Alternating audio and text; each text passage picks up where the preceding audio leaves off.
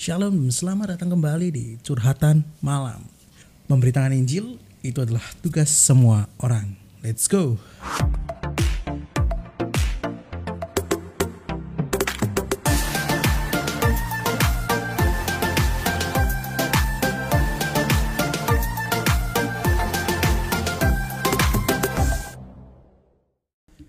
Pada curhatan malam hari ini kita akan berbicara tentang mendoakan orang lain. Wow, topik yang luar biasa. Tapi banyak orang nggak mau melakukan hal ini. Ini aku harus jujur ya, karena ya kebanyakan orang memikirkan hubungannya dengan Tuhan doang. Tapi kita lupa bahwa hidup kita ini adalah hasil dari ketidak egoisan orang, hasil dari keberanian orang, hasil dari iman orang lain, hasil dari apa? Doa orang lain. Kenapa sih? Karena Yesus itu adalah orang pribadi yang mementingkan jiwa-jiwa. Bahkan atas kepentingannya dirinya, dirinya sendiri loh ya. Kayak contohnya apa? Memberi, memberi makan lima ribu orang. Dia belum makan. Gitu. Dia nggak salah-salah sambil makan loh. Tuhan Yesus tetap bisa lapar. Gitu. Terus apa? Dia mendoakan kita. Bahkan dia mati pun dia di- naik ke surga. Dia jadi pembela kita. Bayangin dia jadi pembela kita. Kita masih berkata kayak "Oh, aku belum layak? Oh aku belum bisa. Kalau kalian sudah tertanam dalam gereja kalian bisa kayak gitu. Harus dimulai kayak gitu. Seringkali kita ketahan dengan apa? Aku introvert kok. Aku belum penyambut kok. Aku belum ke sana kok kayak gitu. Bayangin aja ya kalau kalian aku misalnya aku adalah orang yang mungkin terlalu gampang kenalan kok takut bikin orang baper misalnya kayak gitu ya. Kadang kan ada orang ya yang terlalu friendly gitu ya. Ya itu itu itu kepribadian kan kayak gitu. Tapi kita tahu sendiri loh bahwa banyak tokoh Alkitab yang dirubah sifatnya sama Tuhan. Banyak banget loh kayak gitu. Dan sebenarnya yang Tuhan mau itu bukan kemampuan tapi kemauan dan kerinduan. Sesimpel itu. Dua itu yang kita butuhkan. Kayak gitu coba aja kita ngomong ya tentang tadi alasan-alasan tadi dipakai untuk orang-orang yang telah menyelamatkan kita. Bayangin orang yang nyelamatin kita, yang bantu nyelamatin kita. Dia bilang gini, alah gak usah lah, gak usah nyel- ah, aku lagi capek nih, nanti aja lah. Kayak gitu, alah aku gak usah melayani dulu gitu. Aku capek kayak gitu. Capek dengan kayak gini-gini, aku mau self feeling. Nah, misalnya kayak gitu. Atau mau apa pun lah kayak gitu. Gak usah dulu, aku belum mood kayak gitu. Bayangin orang ngomong gitu untuk nyelamatin kalian. Kalian nggak mungkin denger ingat detik ini toh pasti. Kalian kan berkata kayak eh kalian akan tetap di jalan kalian yang lama. Ya gitu. jadi ingatlah guys gitu loh jangan kalian em, egois gitu jangan sampai apatis ada orang bilang kayak gitu. Selalu memikirkan tentang diri kalian sendiri kayak gitu. Menangkan jiwa-jiwa. Kok kalian ngomong aku udah dipenuhi oleh Allah Roh Kudus bukan hanya tentang berbahasa lidah itu karena yang bagus itu karena yang keren memang iya. Tapi kalau kalian sudah dipenuhi oleh Allah Kudus pasti kalian akan langsung kepingin untuk memenangkan jiwa-jiwa. Kenapa Allah Roh Kudus roh misi. Itu dicurahkan untuk membantu kita untuk dalam misi penyelamatan orang-orang. Jadi ayo butuh kita memenangkan jiwa-jiwa. Tapi dari mana kok? Aku cuman aku cuman ibu rumah tangga contohnya. Aku cuman pekerja kantoran. Aku cuman apa lagi? Aku cuman pelajar. Nah ini sering banget kan kayak gitu. Caranya cukup simpel guys. Doain orang lain. Jangan muluk-muluk mikir caranya. Jangan gak usah. Usah dulu. Gak usah gak usah kemesok. Kita kita nyari-nyari cara dulu. Jangan. Doain dulu. Kok terkesan aneh ya? Kok dunia dari doa ya karena sebenarnya kita memenangkan jiwa-jiwa itu bukan pakai cara kita. Tapi pakai caranya Tuhan. Kalau pakai cara kita nggak akan bisa. Karena cara kita itu cara manusia. Kayak gitu. Kita tuh buat teksnya setelah kita dengar suara Tuhan. Jadi mendoakan orang lain itu bukan untuk menyusun rencana dengan Tuhan tapi kita mendengarkan rencana Tuhan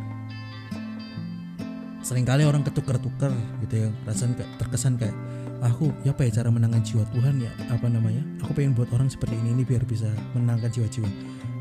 Ya nggak salah tapi kalian harus dengarkan suara Tuhan. Tuhan apa yang kau mau untuk orang ini? Itu kan yang paling penting sebenarnya. Seringkali kita lupa sebenarnya Tuhan yang Tuhan tuh kita yang nyelamatin. Iya. Kita tuh pelaksana kita pendengar dan pelaksana rencana Tuhan bukan kita pembuat rencana. Ya gitu. Yes kita menerka-nerka iya harus harus. Kita harus nerka-nerka. Apa yang bisa kulakukan ya? Apa yang bisa kulakukan ya? Ini rencana Tuhan bukan ya? Tapi bukan berarti rencana kita doang yang terjadi kayak gitu. Jadi inget-inget ya kita bukan pembuat rencana untuk menyelamatkan orang lain tapi kita adalah pelaksana rencana Tuhan dan kita membuka celah untuk Tuhan kayak gitu jadi dimulai dari doa dulu ketika aku doain orang lain. Tuhan sering banget berbicara kamu chat orang ini orang ini lagi down kamu kasih orang ini kata kamu kasih ayat ini ayat ke orang ini dan penjelasannya seperti ini. Bahkan aku ini aku cerita aja ya gitu ya. Aku pernah di salah satu mall lagi jalan-jalan terus ada satu satu suara di hatiku kayak ya bukan satu suara sih kayak satu yang tertanam gitu ya. Orang ini jatuh lagi dalam kecanduan pornografi kayak gitu ya pasti konfirm konfirm ya aku lupa sih keberadaannya persisnya gimana. Cuman kalau tidak salah ingat itu memang terjadi jatuh lagi kayak gitu. Jadi dimulai dari mendoakan orang lain karena kita lagi kalau kita mendoakan sesuatu kita fokus dengan itu. Jadi jangan mikir caranya jangan mikir banyaknya tapi mikir ke, apakah kita punya motivasi itu atau enggak. Kita kita punya kerinduan orang ini atau enggak jadi doain aja gitu loh. Aku berdoa untuk ini Tuhan berikan apa yang kau mau. Jadi doa itu bukan sekedar minta cerita tapi dengarkan juga suara Tuhan. Lewat mana? Lewat firman juga pernah aku juga ketika aku baca. Sorry aku ketika aku curhat sama Tuhan Tuhan aku rasanya kok dalam pengembangan orang eh mementoring orang ini kok susah banget ya Tuhan kayak gitu terus kalian tahu renungan aku kan baca itu kan biasa dulu itu dua pasal ya per hari kalau nggak salah. Dua pasal atau satu pasal gitu aku lupa. Terus aku baca satu renungan satu di, di salah satu aplikasi kayak gitu. Karena nggak di endorse ya. Berarti agak ngomong mereknya asik. Gak aku juga lupa nama nama aplikasinya. Terus isi dari firmanku itu selalu ngomong bahasa sabar, sabar, sabar. Itu kata-kata yang selalu ditenganin, ditengani. Kamu kamu mendingan menanam terus saja nanti suatu saat kamu akan menuai kayak gitu. Itu itu selalu yang ada di firman itu. Bukan sebuah kebetulan dan itu selalu ditekenin dan aku ke, ke highlight. Kalian tahu lah ya kok baca terus kalian salvok itulah. Atau kalian lihat something itu salvok ya kayak gitu. Aku salvok dengan kata-kata itu terus kayak gitu. Jadi kita itu harus denger-dengeran dengan Tuhan kayak gitu. Jangan cuman apa namanya doain kesehatan, doain rezeki, doain apa enggak, bukan hanya sekedar itu. Itu boleh, harus minta juga boleh, minta boleh, gak salah, gak dosa. Tapi lebih dari itu, Tuhan apa yang kau mau? Tuhan apa yang jadi keinginanmu? Aku punya satu sekarang belajar untuk kayak gini. Apa yang jadi keinginanmu? Itu perintah buat aku. Itu yang aku pengen tekenin kepada kalian pendengar-pendengar curhat dan malam. Tanya sama Tuhan, Tuhan keinginanmu apa? Itu perintah buat aku. Itu penting karena sering kali Tuhan kita minta Tuhan dengerin terus tapi kita lupa kita dengerin suara Tuhan. Dan setelah kita dengerin mungkin kita nggak apa namanya nggak apa ngomongnya itu nggak ngelakuin percuma doang kita ketahan dengan sifat-sifat kita. Aku pun melewati batas-batas zona nyamanku ketika aku mengembalain orang kayak gitu. Jadi aku punya satu cerita tentang mendoain orang lain ya. Saya itu aku mungkin bagi tips juga ya. Jadi ketika aku pulang retret di 2018 aku ketemu dengan satu orang yang tidak egois dan apa namanya apa ya ngomongnya taat pada apa yang dia mau kayak gitu. Terus dia um, datang tiba-tiba belum jadi ini belum belum belum retret sih sorry. Pada saat di retretnya mau pulang dia tiba-tiba duduk dan ngajak kenalan aku. Gitu. dan akhirnya dia malamnya ngechat lagi ketika sudah pulang. Dia nanyanya itu cuman hal-hal yang receh kayak intinya cuman ya games games gitulah Kenapa? Karena ketidak egoisan orang ini, aku nggak tahu orang ini doain aku atau belum pada saat itu. Ya aku tiba-tiba mau cerita aja dan dia jadi kakak rohaniku gitu. Meskipun cuma sementara karena nggak lanjut. Kayak tiba-tiba ya wis lah kayak gitu hilang kayak gitu. Tapi tapi aku belajar banget dari orang ini kayak wow banget ya. Karena karena aku pribadi ya kalau aku dibaiki oleh satu orang tuh benar-benar aku bakal inget jasanya kayak gitu. Ya itu itu prinsip hidupku sih soal aku apa namanya melihat kebaikan orang tuh aku bakal ingat tapi aku melakukan kebaikan secepat mungkin aku hilangkan kecuali untuk kesaksian kayak gitu. Jadi aku pernah ketika pulang retret ya itu aku dapat mimpi dua kali pokoknya tentang panggilanku kayak gitu. Terus aku ngomong sama kakak rohaniku aku cerita. Aku aku ngalamin dua mimpi kayak gini gini aku jelasin panjang lebar tapi aku masih belum yakin kayak gitu. Aku minta didoain ya aku untuk um, mimpi inilah kayak gitu. Terus besok hari-hari hanya pada saat aku minta malamnya aku tidur mimpi lagi. Hal yang serupa sing selaras lah intinya dengan kedua mimpi sebelumnya. Terus aku bilang sama kukuraniku besoknya ya ketika bangun aku mimpi lagi kok kayak gini gini gini. Terus um, kakak rohaniku tuh bilang kurang lebih ya pokoknya intinya itu tanda ini tanda buat kamu kayak gitu. Itu mungkin Tuhan ingin berbicara something gitu terus dia itu nggak sengaja cerita kayak gitu. Ini dia cerita. Kemarin tuh aku setelah kamu minta aku doa malam-malam. Simple sih kalau memang itu tanda daripadamu berikan dia satu kali mimpi lagi. Maksudnya akuin ya. Maksudnya kalau misalnya ini tanda buat Denny biar Denny dapat satu kali mimpi lagi. Dan pas setelah doa itu ketika aku tidur langsung aku mimpi. Ya dan begitu powerfulnya mimpi itu satu doa yang tulus itu penuh kuasa. Minta sama Tuhan untuk menangkan jiwa-jiwa. Doain orang lain Tuhan selamatkan orang ini. Dan tanya sama Tuhan Tuhan apa yang kau mau untuk orang ini? Kayak gitu. Kalau harus ada minta. Iya maksudnya tetap minta. Gitu. kita minta orang ini diselamatkan dan lain-lain kayak gitu. Jadi kalau kita terus egois dan berkata kayak oh gak usah selamatin orang kayak gini-gini kayak gitu aku pernah ketemu dengan orang yang aku nggak suka. Bahkan 50% anak-anak orang itu dulu itu adalah orang-orang yang aku nggak suka pertama nih. Kayak nggak serak gitu loh. Aduh kau salah tapi ternyata itu jadi anak rohaniku gitu loh. Aku bener-bener kayak oh iya ya gak bisa. Pelayanan memenangkan jiwa-jiwa itu pakai mood. Yesus saja di dunia itu nggak pernah pakai moodnya dia loh untuk pelayanan. Kita kok pakai mood kayak gitu. Meskipun itu bakal muncul. Iya tapi kita responnya apa? Itu kan tergantung kita ya kan? Jadi ya apa caranya? Doain orang itu. Terus kalau aku biasanya itu diem. Biasanya cuma diem aja satu menit dua menit kayak gitu. Kok bisa lebih gitu ya. Merenung ini merenung. Sampai tanya Tuhan Tuhan kenapa ya orang ini seperti ini? Tuhan apa yang kau lakukan? Nanti Tuhan tuh kayak jawab apa ya? Gitu loh kayak ngasih tahu ini ngasih tahu ini ngasih tahu ini.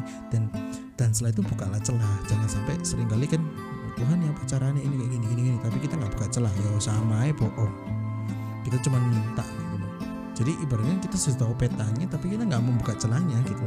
Aku lagi malas Tuhan. Aku lagi lagi kamu Tuhan kayak gitu. Atau lagi apalagi lagi banyak kerjaan terus Tuhan gitu. Ya tapi harus seimbang ya.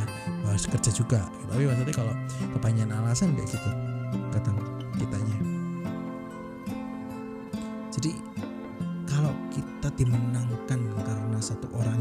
egois dan mau mendoakan kita. Kenapa kita nggak mau lakukan? Gak usah muluk-muluk banyak satu aja. Dulu yang aku selalu minta ketika aku mau menangkan satu jiwa Tuhan satu lagi. Ya Tuhan satu lagi. Tuhan Tuhan dan puji Tuhan Tuhan kasih bonus banyak kayak gitu. Tapi terlepas dari itu adalah yang yang selalu aku minta ya ini aku cuma ngomong aja.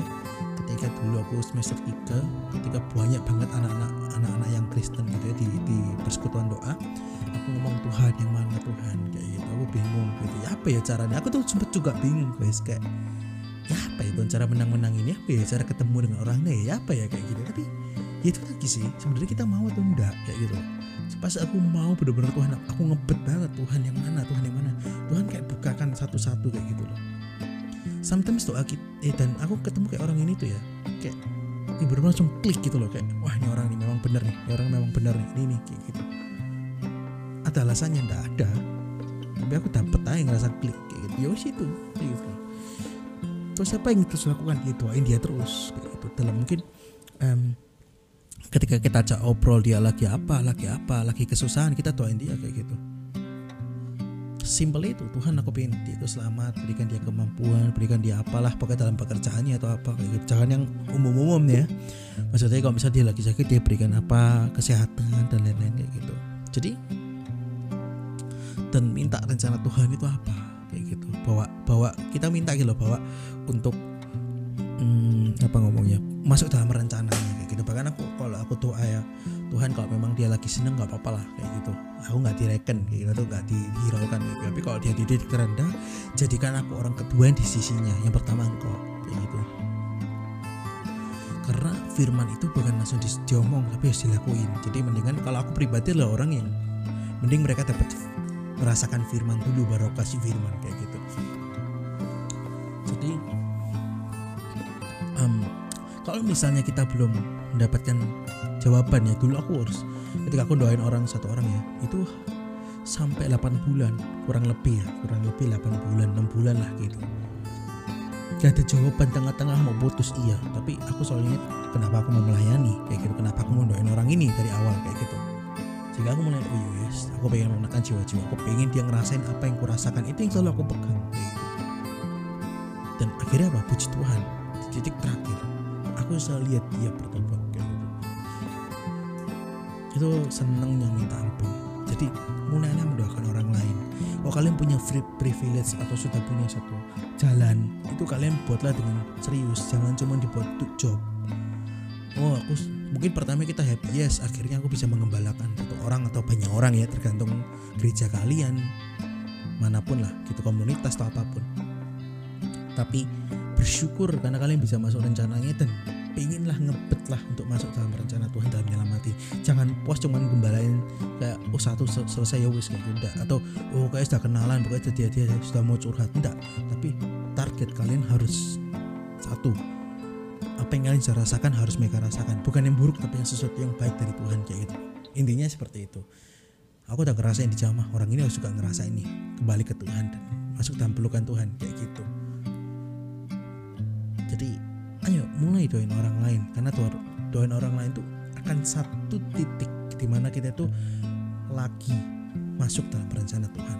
Menangkan di alam supranatural kalian akan lihat di alam natural itu yang aku selalu pegang. Kalau kalian nggak mulai dari alam supranatural kalian nggak ada persiapan ngelami, nge- apa nge- ngelawan di alam natural kayak gitu. Karena musuh kita itu bukan musuh sesuatu yang di darat atau sesuatu di laut atau di mana pun tapi musuh kita adalah roh-roh di udara. Kayak gitu. Dan Tuhan akan buka celah. Dan kadang kita yang buka celah. Kita mau nggak masuk dalam celah itu. Sering kali kita sudah oke semuanya oke semua sudah ya siap ya. Oke tapi Tuhan kasih kamu kamu sekarang berikan firman ke orang ini. Oh jangan Tuhan kayak gitu. Kamu ke orang ini jangan Tuhan ya. Sama aja kayak gitu. Jalan-jalan kayak gitu. Apalagi kok misalnya kita dapat satu satu suruhan gitu ya. Kamu jalan jalan. Gitu jangan egois. Jalan aja dengan hikmat tapi ya. Jalan dengan hikmat. Gitu. Mending taat daripada salah total gagal total. Jangan ke- jangan terbatas oleh apa pun yang kalian punya sekarang tapi lewati batasan itu dan kenapa karena Tuhan sendiri yang berkata with God. Gitu. ada satu kata di Lukas tuh ngomongnya mungkin dengan Tuhan eh bersama dengan eh bukan bersama sih. Eh, untuk Tuhan tidak ada yang mustahil. Bagi Tuhan tidak mustahil. Tapi sebenarnya with God artinya atau artinya bersama dengan Tuhan tidak ada yang mustahil kalau kita menangkan di alam supranatural kita kan sedang berjalan di natural ya apa yang di supranatural diimplementasikan dalam natural. Dan lihat hal-hal yang mustahil yang kalian mungkin loh kok tiba-tiba bisa cerita ya orang ini ya? Kok tiba-tiba bisa tiba-tiba bisa aku bisa cek doa ya? Wah itu itu tanda bahwa kalian bisa menangkan di alam supranatural. Dan terus setiap hari kalian harus menangkan mereka kalian maintenance di dalam alam supranatural. Ibaratnya ya ini kan cuma ibarat aja. Kayak gitu. Ya bagiku itu kayak mainten- maintenance lah kayak gitu. Selalu tanya-tanyaan sama Tuhan kayak gitu. Oke semoga ini memberkati kalian. Kita itu doa sebelum selesai kita doa dulu. Tuhan terima kasih buat hari ini Tuhan. Kami boleh belajar untuk mendoakan orang lain. Ajar kami untuk bisa mendoakan orang lain untuk masuk dalam misi penyelamatan orang-orang Tuhan. Ajar kami Tuhan karena ini panggilan untuk semua orang Tuhan untuk memenangkan jiwa-jiwa berikan kami hati yang mengasihi jiwa-jiwa Tuhan. Berikan aku hatimu. Berikan kami hatimu sorry. Apa pun yang kau mau Roh Kudus teruslah berbicara dari kami. Sensitifkan hati kami. Kami pengen lebih dekat denganmu Tuhan. Kami juga pengen sefrekuensi denganmu. Kami mau masuk dalam pelayanan Tuhan untuk menangani jiwa-jiwa. Tuhan ketika kami mungkin sekarang terbatas oleh kemampuan terbatas oleh akal budi logik Tuhan. Aku berdoa Tuhan patahkan itu Tuhan stigma-stigma itu Tuhan. Dan biarkan mereka bisa melewati batasnya melewati kemaluannya melewati apa pun itu Tuhan. Biarlah kau berikan kemampuan. Seperti banyak toko yang kau ubah sifatnya.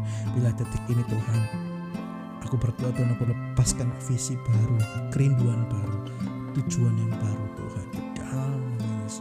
aku berdoa Tuhan supaya ada tujuan baru dalam hidupnya. Bukan bukan lagi egois bukan lagi apatis dengan segala alasan rohaninya Tuhan. Tapi mereka mau untuk memenangkan jiwa seperti kami dimenangkan oleh orang lain. Terima kasih Tuhan Yesus berkati setiap apa pun yang kami kerjakan. Dalam tidur kami hingga bangun kembali di dalam nama Yesus kami berdoa dan ucap syukur. Amin. Kalau kalian suka dengan curhatan malam hari ini kalian bisa share kalian bisa follow kalian bisa nyalakan loncengnya supaya kalian bisa ikuti mungkin beberapa hari ini ada sedikit problem jadi sedikit malam untuk uploadnya. Tapi untuk setiap harinya akan diusahakan selalu jam 9 malam. Oke jangan lupa di share kalian boleh share di IG live TikTok atau apa pun lah terserah yang kalian mampu untuk lakukan. Jangan lupa menginjili atau memberikan memberikan sharing atau men-sharing men-sharingkan sesuatu itu adalah tugas semua orang. See you and God bless you. Bye bye